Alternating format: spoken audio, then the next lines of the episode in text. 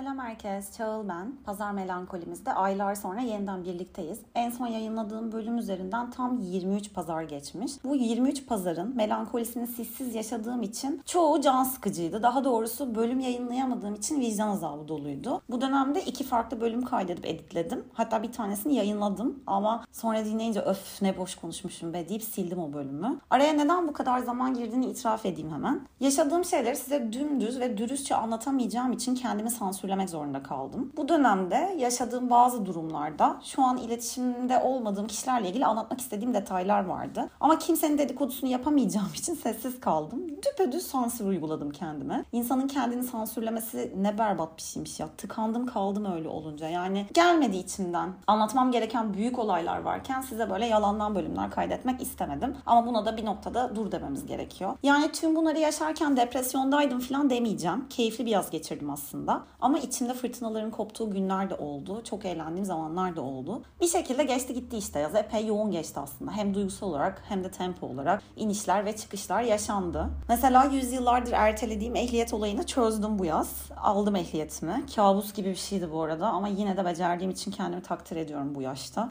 İlk direksiyon sınavında panikten kırmızı ışıkta geçtim abi. O yüzden ikinci sınavda sakinleştirici alarak alabildim ehliyetimi. Bayağı özgüven sarsıcı bir dönemdi benim için. Bir de hatırlarsanız üniversite sınavına girmiştim hobi olarak. Radyo televizyon okumak istediğime karar vermiştim. Kazanmışım. Kazanmam şaşırtıcı değil çünkü bölümün puanı çok düşüktü zaten. Ama şaşırtıcı olan iki gün üst üste hafta sonu erken kalkıp sınava girebilmiş olmam. Peki okula kayıt oldum mu? Tabii ki hayır. Bu iş temposuyla okulu aynı anda idare etmek gelmedi içimden. Saldım yani ikinci üniversite fikrini. Bir de şeyi düşündüm. Ben şimdi podcast yazıyorum, kaydediyorum, editliyorum, yayınlıyorum. Az buçuk tanıtımını yapıyorum falan. Gideceğim derse bana radyo anlatacaklar. Radyo 101. Sinirlenirim ben. Koskoca eğitimcilerin kalbini kırmaya kalkarım. O yüzden vazgeçtim. Bu yazın üçüncü haberi ise annemle babamın yeniden evlenmesiydi. Şaka yapmıyorum. 22 sene önce boşanan ve ayrılık anksiyetemin sebebi olan annemle babam yeniden evlenmeye karar verdiler. Bana da nikahlarını organize etmek düştü. 74 yaşındaki babama tuzlu kahve yaptım. 65 yaşındaki annem ayakkabısının altına adımı yazdı vesaire derken şu an birlikte mutlu mesut yaşamaya çalışıyorlar işte. Onların adına çok mutluyum. Sonuçta artık ikisi birlikte olduğu için onlar adına ayrı ayrı endişe duymama gerek kalmıyor. Bayramlarda kime gideceğim derdi de ortadan kalktı. Ama bir yandan da içimden şey diye haykırmak istiyorum istiyorum. Madem tekrar barışıp evlenecektiniz, bana neden bu travmayı yaşattınız abi? Hayatım boyunca terk edilmekten korktum ben ve bütün ilişkilerime bunun kaygısını yansıttım bu durum yüzünden. Ama olaya iyi tarafından bakacağım. Galiba bu olay şöyle bir kırılma noktasına sebep oldu bende. Annemle babam yeniden evlenince aradığım aile kavramı tamamlandı kafamda. Hayatımı mutlu yaşamak için birine, bir adama ihtiyacım olmadığını, hatta aksine yalnız ve bekarken daha mutlu olduğumu fark ettim.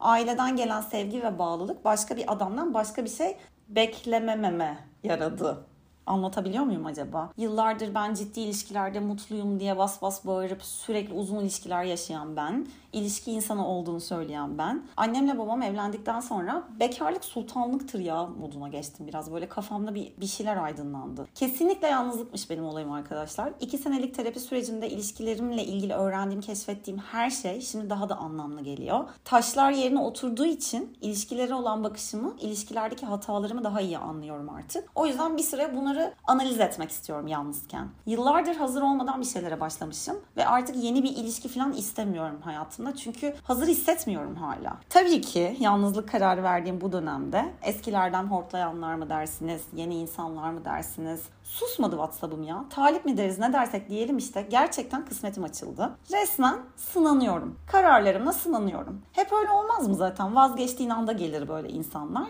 Ama yok ben kararımda netim. Bir süre gerçekten date'lere bile tövbe etmiş durumdayım. Anlayacağınız bu aralar bekarlığın tadını çıkarıyorum. Tadını çıkarıyorum derken sürekli partilediğim falan düşünülmesin. Öyle bir dünya yok. Aslında tek başına mağaramda yaşıyor gibiyim düz. Arkadaşlarımdan da soyutladım kendimi biraz. Yaklaşık iki aydır aynı güne uyanıyorum biliyor musunuz? Sabah kalkıyorum, laptopu açıyorum, çalışıyorum, mesaiyi bitiriyorum, televizyon karşısına geçiriyorum, geçiyorum ve uyuyorum. Yemin ederim hareketsizlikten kalbim duracak yakında. Masterchef'e düşüp düşüp yemek denemeleri yapıyorum evde. Kim kimisi güzel oluyor, kimisi tutmuyor. Mesela şu an dün yaptığım yıldız anasonlu mantar çorbasını içiyorum. Efso oldu. Ama geçen vişneli kinoalı kısır yaptım. Bok gibi oldu abi. Resim yapmayı sıkılaştırdım. Resim olayı fena gitmiyor gibi. Birkaç arkadaşımdan sipariş aldım. Hoşuma gidiyor bu durum. Yani kimseye karşı bir sorumluluk hissetmemenin tadını çıkarıyorum aslında. Canım sıkılıyor mu? Sıkılıyor. Ama kaliteli sıkılıyor be. Yıldız Tilbe'nin şu meşhur tweet'i var ya. Hepinizden nefret ediyorum ama tek başımayken de canım sıkılıyor diye. Ha işte tam olarak o tweet'in vücut bulmuş halim bu ara. Depresyondayım desem değilim. Çünkü benim depresyonum çok pis oluyor. Biliyorum o hallerimi.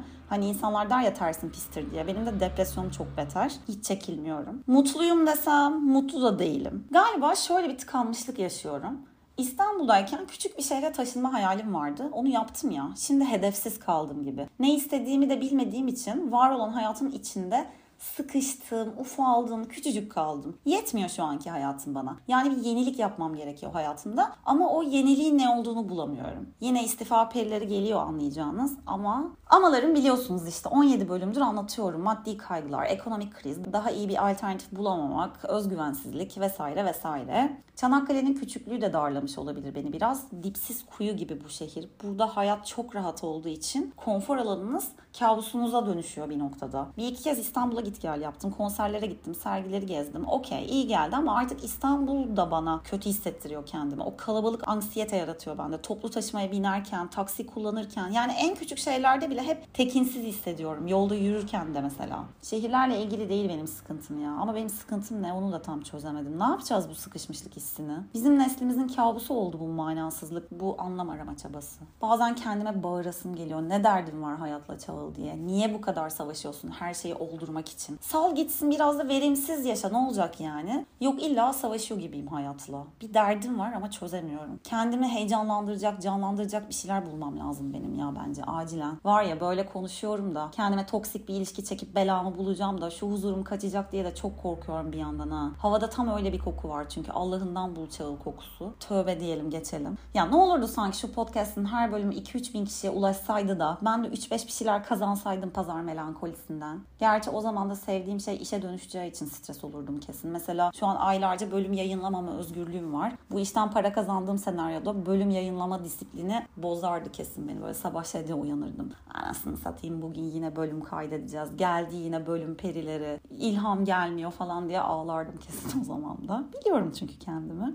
Yine başladığımız noktaya geldik ya fark ettiniz mi? Bir adım ileri bile gidemiyor muyum ben acaba ya? Bu mu acaba benim olayım? Bak yine çöktü o kasvet üstüme. Daha fazla kasvetlerde boğulmak istemediğim için bölümü burada noktalayıp pazar melankolime kendi kendime düşeyim en iyisi. Masterchef izleyip kapanışa geçerim. İşte böyle hayatsız bir hayat bu aralar benimki de. Bir sonraki bölümde görüşmek üzere dostlar. Kendinize iyi bakın.